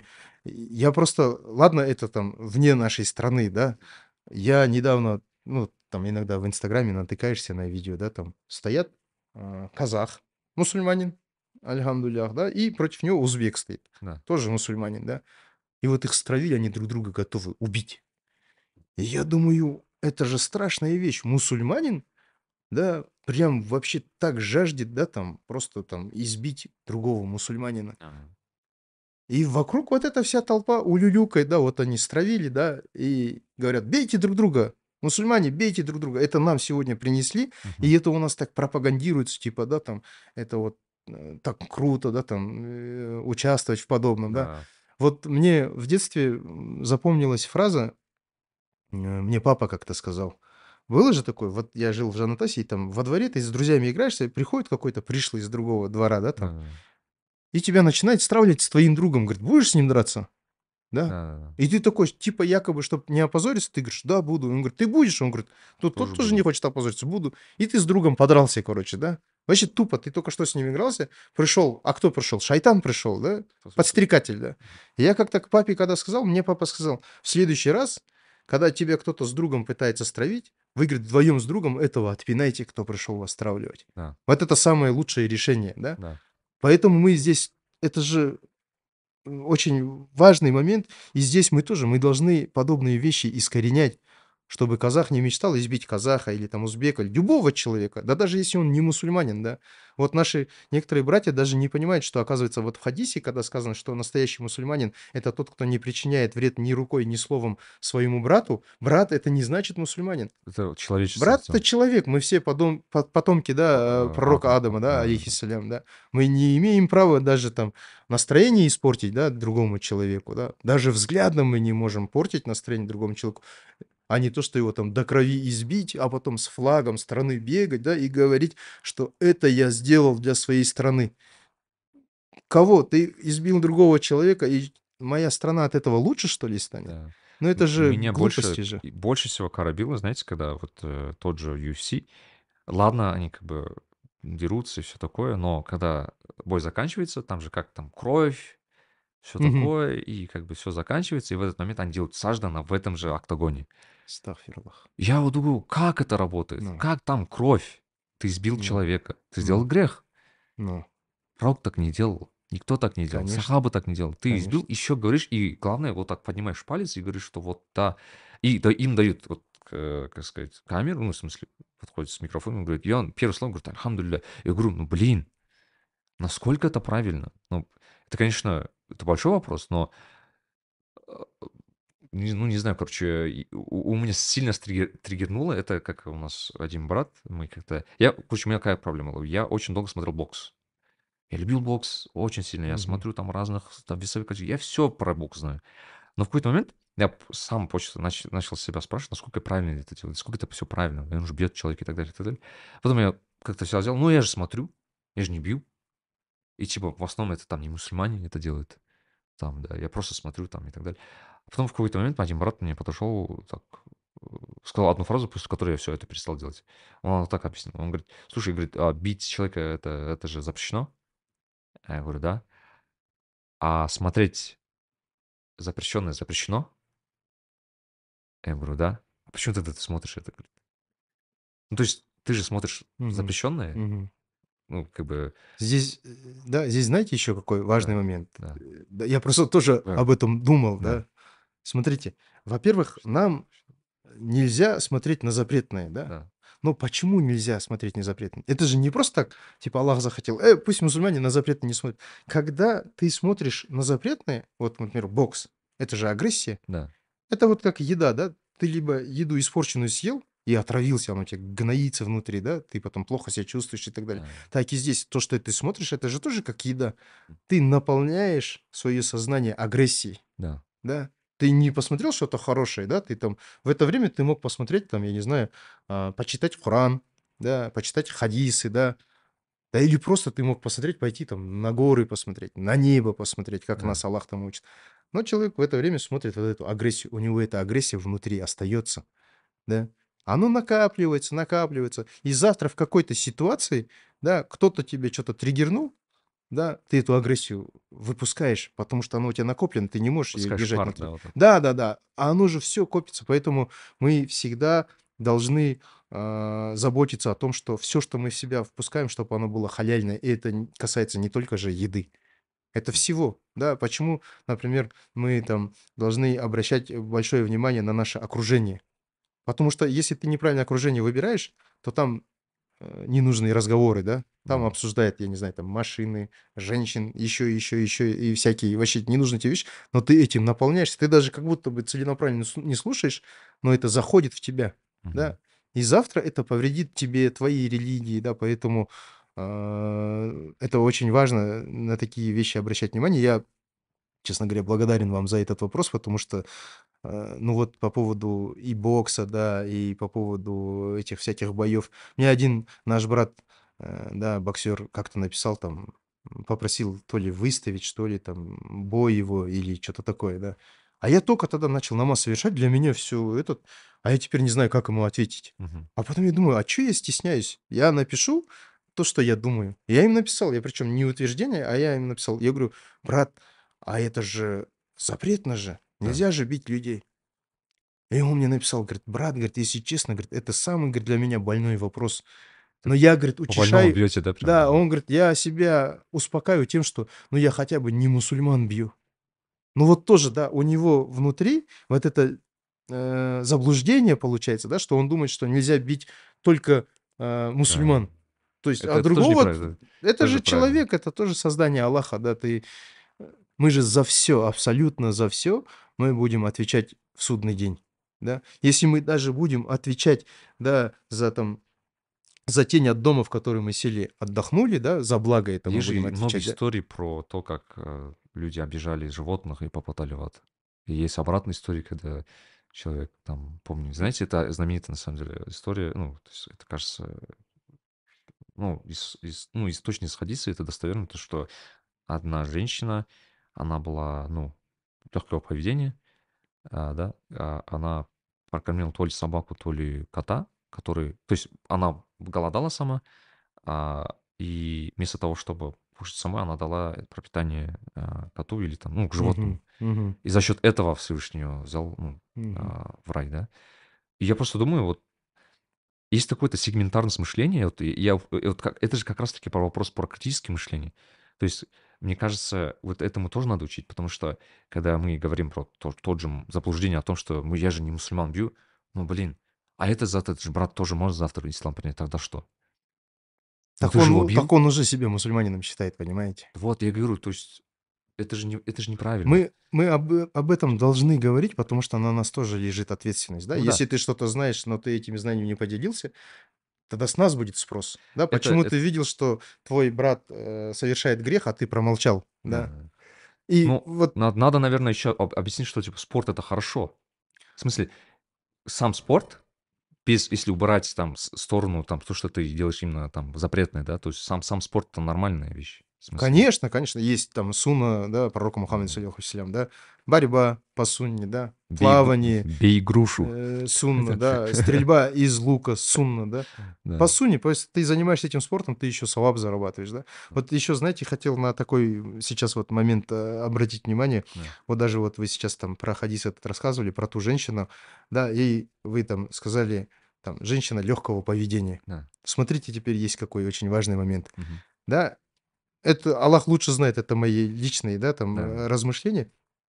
Но вот когда мы начинаем заменять какие-то слова, Да. мне кажется, мы шайтану услугу оказываем, да. М. Потому что в хадисе сказано «прелюбодейка». М. То есть сразу говорится «грешница». Да? Да-да-да. Грешница, которая совершала прелюбодеяние. Прелюбодеяние – это страшный грех, это большой грех перед Да. Аллахом. Да?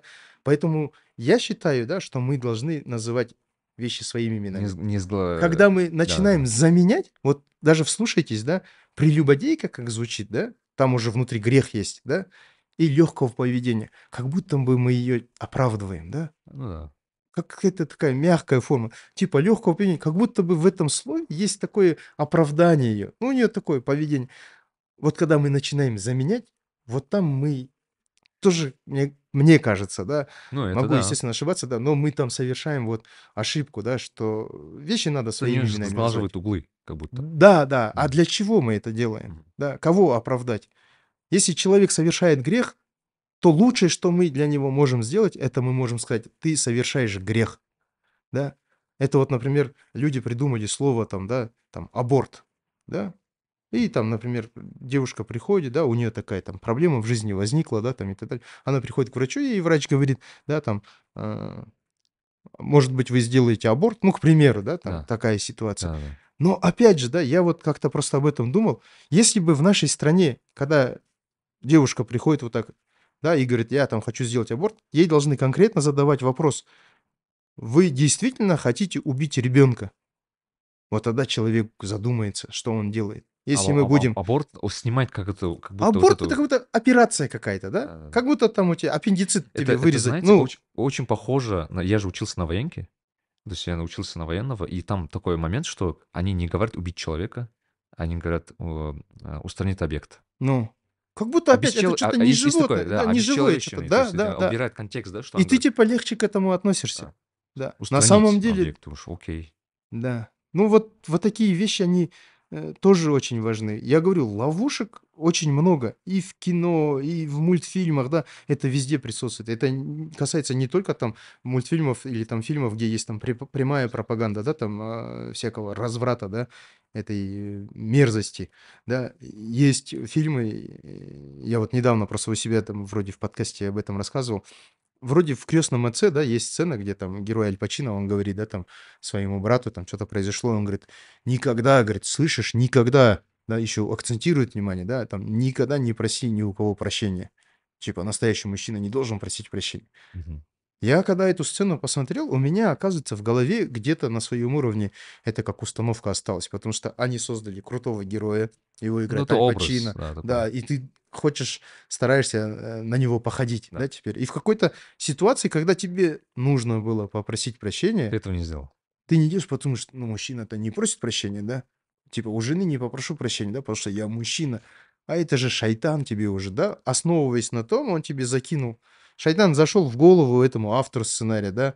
Тот вот это такое написал, и это распространилось. Поэтому, когда мы смотрим кино и так далее, мы тоже должны к этому очень осторожно относиться, потому что на сегодняшний день, мне кажется, там 99% э, кино, сериалов и так далее, они все играют на руку шайтану, да, потому что там пропаганда наркотиков, пропаганда а, алкоголя и так далее. Даже вроде фильмы, которые не связаны там, да, с алкоголем или так далее, но они опять же берут там классных типа героев, и вот к нему домой приходит, он Ну, там смотрите, вот виски насчет наливает, да, на и на это типа насчет классно, да. кино, вот интересно, Костин, это же очень старое кино. Ну, же очень давно снялся, Мгм, да, правильно? Ну, мгм. вы смотрели во сколько сколько вам лет было, когда вы смотрели? Не Ну, помню, может, там Ну, 20 навер 25, может. ну, вы молодой были, Да, да. всего, да. Ну, просто я к тому, что есть много фильмов. Я сейчас вспоминаю, я такой: "Блин, я такой бред, оказывается, посмотрел". Мгм. Со своей нынешней головой думаю, я там в 15 лет, там, грубо говоря, посмотрел, думаю, тогда мне это все казалось классным, ну, просто, да. И я не мог себя спросить, насколько он правильно делает это, то есть насколько этически, морально, да, он это все правильно делает. И я просто, ну, я не имел этого, к э, как сказать, э, контекста, что, а, по сути, надо задаваться вопросами, а насколько это соответствует правде и так далее. Мгм. Ну, а какой-то а какой-то в итоге фильм хотите снять? Ну, есть какая-нибудь там тематика, может быть? Ну, понятное дело, это вы сказали про по по исламу и так далее, но Ну, если есть, э, пара-тройка идей, М. да, э, которые я хотел бы снять, но пока еще прям на 100 да, я еще не утвердился. Тоже для меня, знаете, такой вот момент, э, как мне кажется, да, одна из версий, почему у меня еще сценарий там, э, не дописан, да. Э, наверно, у меня идет проработка того, что я должен понять, мой навс должен понять, что это не я пишу сценарий, да. все идет от Аллаха, все знания идут от Аллаха, да. все благое идет от Аллаха, поэтому, наверное, мне где-то внутри надо понять, что те фильмы даже, которые раньше снимал, где-то я себе присвоил просто то, что мне на самом деле М. ничего не прин ну, не принадлежало, Это да. как, э, один ученый исламский сказал, кажется, это был Саид Нурси. Он сказал, что это не я пишу, это я просто писарь. То есть это мне говорят, чтобы я писал. Типа, ну. Всевышний. На на самом деле ведь нам же ничего не принадлежит, и мы сами себе не принадлежим, да. А когда наш навс начинает, да, э, утверждать, что это вот он такой, да. Просто видите, э, ну, навс, он же питается же там, да, в том числе там и, там какой-то там популярностью, да, какими-то там успехами, там достижениями, да. Здесь очень а, важно, да, всегда помнить, что все исходит только лишь от Аллаха, да. Когда мы присваиваем себе, вот там начинаются, э, да, наши, проблемы, да, все эти траблы. Вот, поэтому очень хочу, на самом деле, да, снять кино, следующий фильм, но вот, э, пока, короче, идет процесс, да. Да.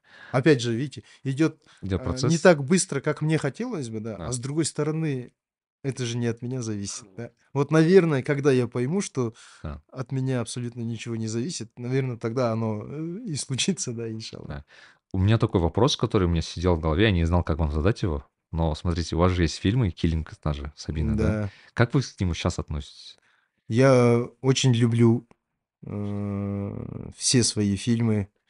а, и в особенности Келинку Сабину я люблю. А, я я тоже, знаете, разные стадии у меня проходили. В какой-то момент я тоже начал думать, а, наверное, это запретно, а, наверное, там и так далее. Но альхамдулиллях, альхамдулиллях, да, э, я и тогда, в принципе, понимал, и сейчас я а, в этом убедился, да, что э, Келинка Сабина это на самом деле очень хорошее кино, Она добрая очень. оно нужное кино. И те люди, которые ам, по каким-то причинам, кто-то из-за невежества, кто-то еще из-за чего-то, да, кто-то, ну, просто ошибается, да, а, те, кто считает, что якобы Келинка Сабина это там что-то нарушает, на самом деле нет. Да, мое мнение, что там нет никаких нарушений, потому что, ну, опять же, очень много аятов а, в Коране, Аллах Тагала говорит, размышляйте, да, здравый смысл нам для чего нужен, да, Мгм. чтобы мы им пользовались, да, своим разумом. Да, вот Келинка Сабина– это кино про девушку. Да, Роль девушки играет актер-мужчина. да, Это не какой-то там, да, а, человек, который там сменил пол, да, не такой герой, да, это девушка, которая и так далее. Это комедия, да, которая несет в себе определенный смысл. да. Поэтому мы должны всегда относиться ко всему очень разумно. Тот хадис, который э, некоторые там люди мне присылали, да, что там якобы, не якобы, а пророк Мухаммад, саллиллаху там он проклял там мужчин, уподобляющихся женщинам, да, и они Да. говорят, вот, есть же хадис. Но что подразумевается там? Для чего этот хадис? Для того, чтобы не было разврата, чтобы не было вот то, что сейчас там в Европе происходит, в других странах, да, Да. когда люди меняют пол, да, и мужчина становится женщиной, да, Мгм. Ему хочется быть женщиной, он женщиной никогда не станет, да, Да. он превращается непонятно во что у него основа уходит, да, Да. я мужчина, у него уже не работает, все, он ломается, да, а, это же против это было направлено. Это не было направлено там, да, а, против там комедии. И я понимаю, что а, это тоже для меня своего рода было испытанием, насколько я останусь а, верен а, своему, да, рассудку, да, своему здравому смыслу, насколько я смогу устоять и не пойти на поводу у толпы. Опять же, ислам нас учит никогда Ну, не идти на поводу у да. толпы, потому что толпа, большинство, их убеждения основаны на их предположениях. В этих предположениях нету истины, да.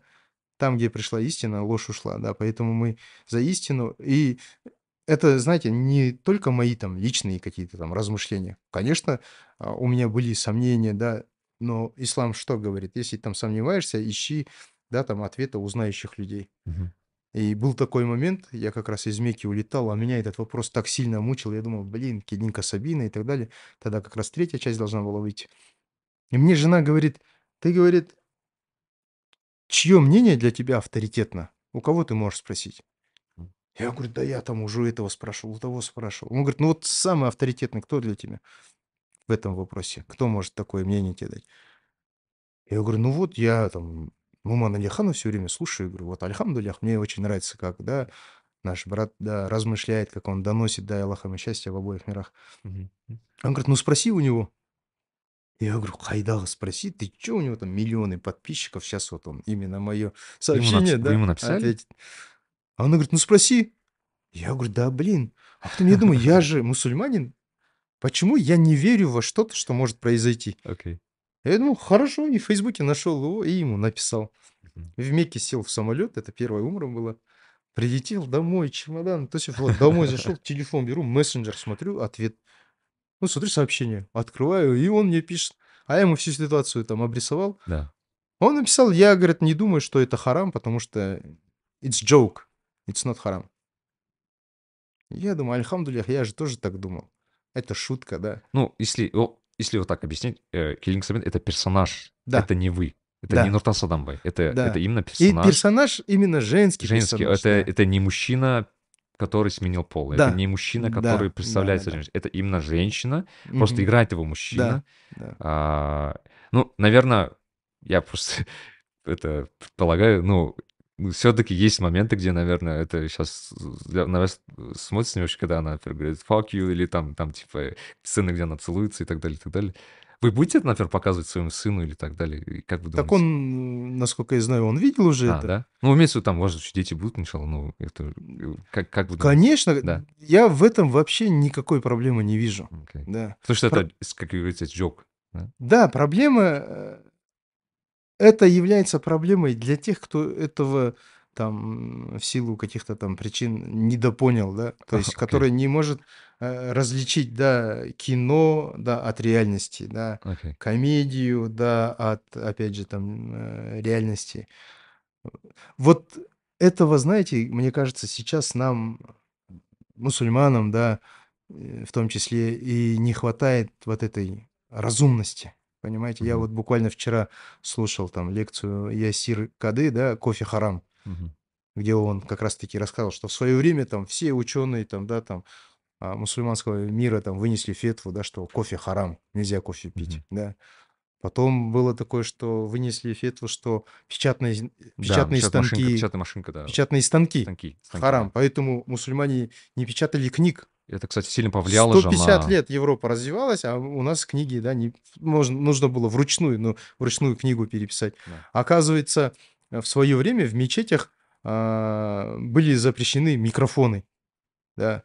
Тоже говорилось, что это та- там да. под запретом, да. То есть всегда нужен здравый смысл, мы же развиваемся и так далее. Я поэтому э, к своим работам, да, отношусь очень э, с теплотой, я понимаю, что э, это классное кино, если бы оно не было таковым, да, то, наверное, люди бы так тепло на него не реагировали. Да. Я думаю, те силы, которые пытаются выставить это а, как что-то запретное, как раз-таки а, из-за такого, и мы видим, что сегодня там происходит э, там, в ряде там, других стран, там, Афганистан, как вот любят, да, там Да. приводить в пример, да, и так далее, Ну, где... Килинка Сабина, на самом деле, это же, по сути, для меня, лично для меня, это фильм, который, по сути, влюбил меня в казахское кино. Что до этого я его не, просто не воспринимал. А это было такое кино, которое просто было не стыдно посмотреть и посмеяться Было так приятно. И ты такой, о, біздің, біздің жігіттер классно снимают. Еще вас, э, сколько лет знаю уже, ну, с- со времен там КВН, где казахи, все это такое. И как бы это все равно Альхамдулилля. очень долгая история. Ну вот с Киленькой Сабиной, да, я бы хотел просто уже Мгм. дать, Да, да. закончить, да, то, что говорил. А, Я понимаю, что ничего харамного там не было, я так считаю, да, но теперь я для себя принял решение, что женские роли я играть э, не буду, потому что, ну, уже там в силу того, что у меня другой этап в жизни начался, да. Мгм. Там у меня были такого формата комедии, да, и Ну, мне это сейчас очень нравилось, сложно да. представить даже это, А сейчас я понимаю, что то кино, которое я, иншаллах, хочу снимать а, в будущем, оно уже будет э, несколько другого формата. Это тоже будут комедии, да, я не говорю, что это теперь там будет там суперсерьезно и так далее, но у меня уже и возраст какой-то другой, да, Ну и да. я поэтому э, у всего есть свое время, да. Для Э, меня Рунстас Адамбай это даже не Килинка Сабина, знаете кто? Какой, знаете, какой из вас фильм, который больше всего ассоциируется с нами? Какой? Аким. Аким, ну, Да, альхамдулилля. Аким. Ну, Да. серьезно, мне так он залетел. И мархум а, кім кісі, а, Дарханова. Дарханова, вот, я помню, вот этот образ сильно у меня в голове прям устаканился. Да, Аким на самом деле многим людям понравился. И мне самому понравился. Вообще из всех моих фильмов, вот больше всего мне, которые там, да, по Да. душе, я их всех, конечно, люблю, да, но даже среди детей, говорят, бывают любимчики, да. А у меня вот Килинка Сабина и Аким, Да. да, потому что, ну, вот как-то оно так вот произошло. С Таразом не так, да, у вас отношения? Я его не Тарас, смотрел, кстати, я его почему-то не так не дошел.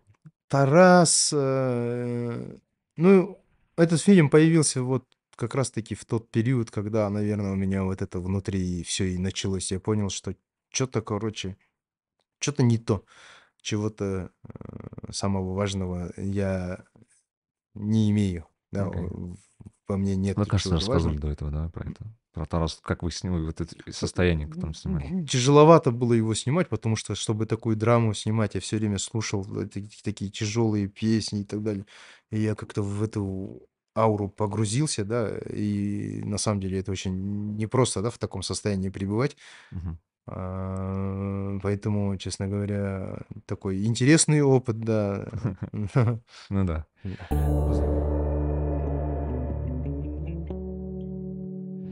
Ну, көп рахмет. Очень классно, мне кажется, пообщались. Я очень а, много получил от вас. Алла болсын.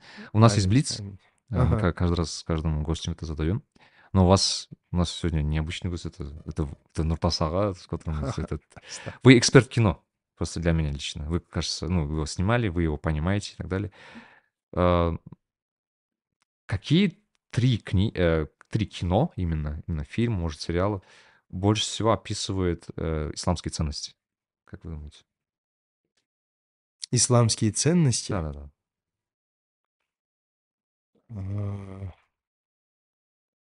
У меня есть свой список, потом поделюсь с вами. мгм. Очень такой, да, неожиданный вопрос.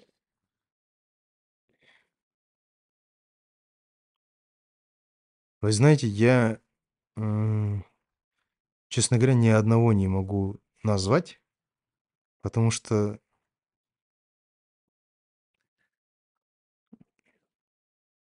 Ну вот не знаю я, мне как-то сложно даже на этот э, ответить вопрос. Может быть, по этой причине я и свой сценарий никак не могу э, пока написать, да, потому что, мне кажется, это настолько, наверное, сложно а, объяснить вообще и- ислам, да, и, и через кино даже.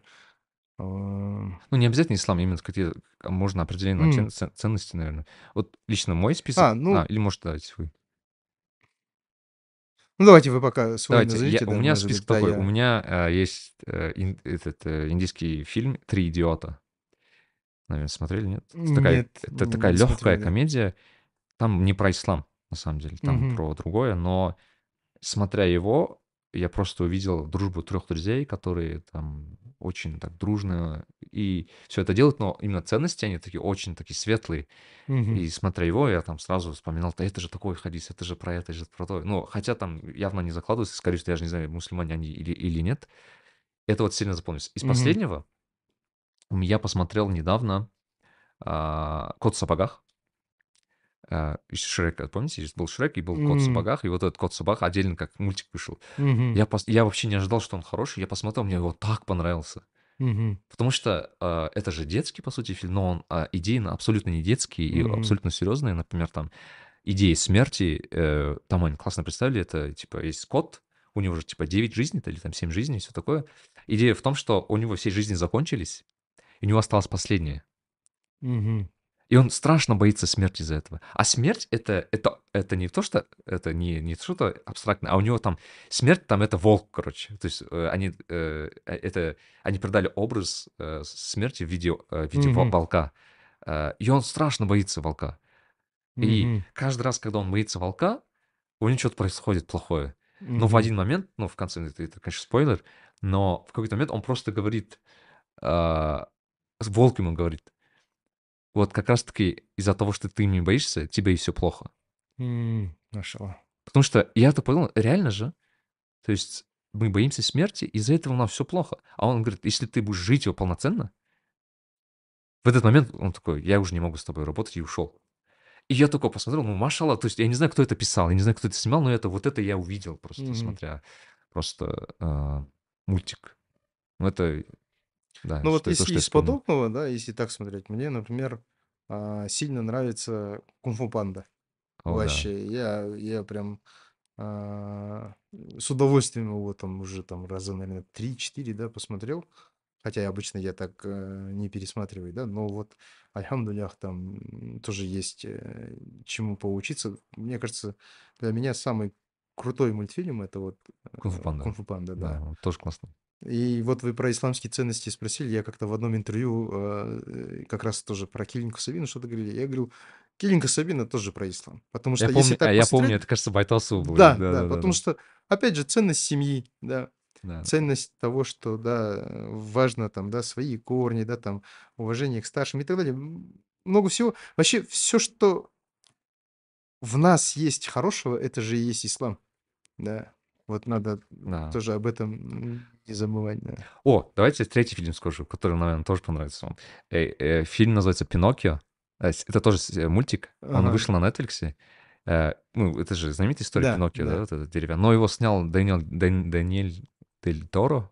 ну, знаменитый мгм, этот э, режиссер, и снимал его э, стоп-моушеном. Стоп-моушен это, чтобы ты понимал, я щас объясню, это как бы, это, это не мультфильм в классическом виде, это когда игрушки двигаются э, в мгм. реальном времени, и он так снял, очень классно, очень круто это снято, но диалоги это просто что-то. Например, смотрите, там есть диалог такой, я его очень сильно запомнился. Пиноккио же он из дерева сделан, а там идея такая, что отец Пиноккио, который его сделал, он а, скульптор, ну, так, де- дерево обрабатывает, короче, и, и он во время, как бы, фильма, он делал э, Иисуса.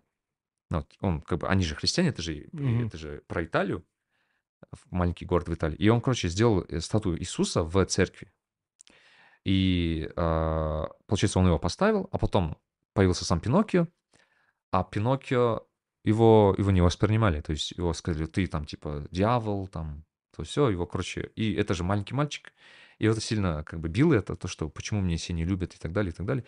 И он как-то стоял с отцом, там есть сцена такая, это сильно запомнилось. То есть он стоял сцена с отцом и смотрел на, а, на Иисуса, да, вот, э, как в этом, в деревянного именно, вот, Мгм. в- на кресте именно.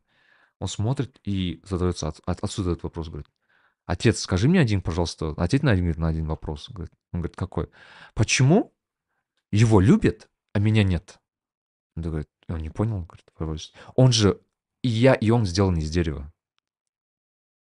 Почему его любят, а меня нет? И это так мне э, как пробрало в тот Мгм. момент, я просто удивился. Ну, короче, это такие, это мои рекомендации, Мгм. наверное. вот. Иншаллах, думаю, вы снимите гораздо, гораздо лучше. даже. Иншаллах, очень Да. хотелось бы на самом деле. А, смотрите, второй вопрос. э, Это про, ам, а, может быть, не знаю, можете ответить, может нет. а, Какой, какой, какая бы была инвестиция за последний год, которая вам сильно понравилась, вам сильно помогло? Это может быть какой-то девайс, телефон, книга, все что угодно. А, Что-то, что-то мас- э, именно физическое. Что-то физическое. Что я купил и что мне, Да, да? может быть. Ну, книги это на первом месте, конечно. Я только э, с исламом стал понимать вообще важность книг. Но я просто понял, что нужно читать, Да. да. А, Поэтому сейчас для меня там лучшие подарки это когда э, дарят какую-то там а, хорошую книгу, да, там про ислам, где я понимаю, что, ну, вот эти знания это большое сокровище. Мгм, да, мгм. которые тоже все от Аллаха. Вот сейчас я дочитываю книгу вот как раз-таки имама Газали, о которой сегодня говорил, да, Хайлю исследование. Медин, он на арабском, кажется, называется. Я- наверное, Если да. Стас по нему, кстати, лекции ведет, я его Да, ну слушаю. вот, альхамдулях, очень отрезвляющая книга, Да. да, а, вот.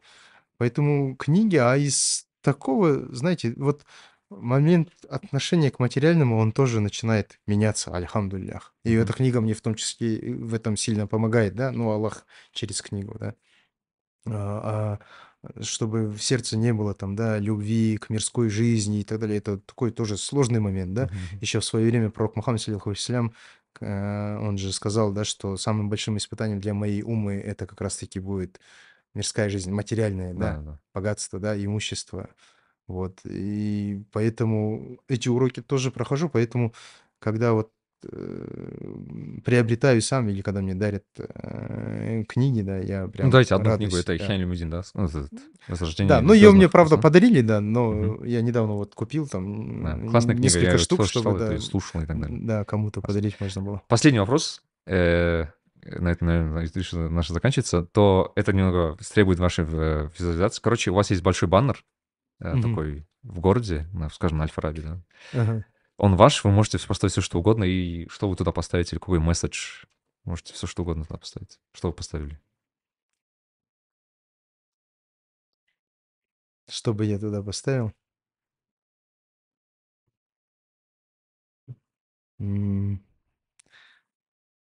Я бы, наверное, туда разместил бы аят, да, из э, суры Аль-Бакара. Вроде 82-й аят, нет, могу ошибаться, да, но суть там, что «А те, кто уверовал и совершал праведные деяния, попадут в рай». М, Да. Да, вот прежде всего себе хочу об этом, да, напомнить и другим, что, ну, вот эта жизнь нам дана, чтобы мы как можно больше праведных, э, благих дел совершали, чтобы завтра, иншаллах, Аллах по своей милости открыл перед нами ворота рая. иншалла сонымен бізде бүгін қонақта болған нұртас сатанбай. Ә, көп рахмет біздің подкастымызды жазылып қойыңыздар. Бізде аудио барлық не нұсқалар сізге көп рахмет. Сізге де иә рахмет біздің командаға көп рахмет. Ал сол ә, алла разы болсын кездескенше уже будем на казахском иншалла да? Иншалла да иншалла. рахмет. Сау болыңыздар асықпа.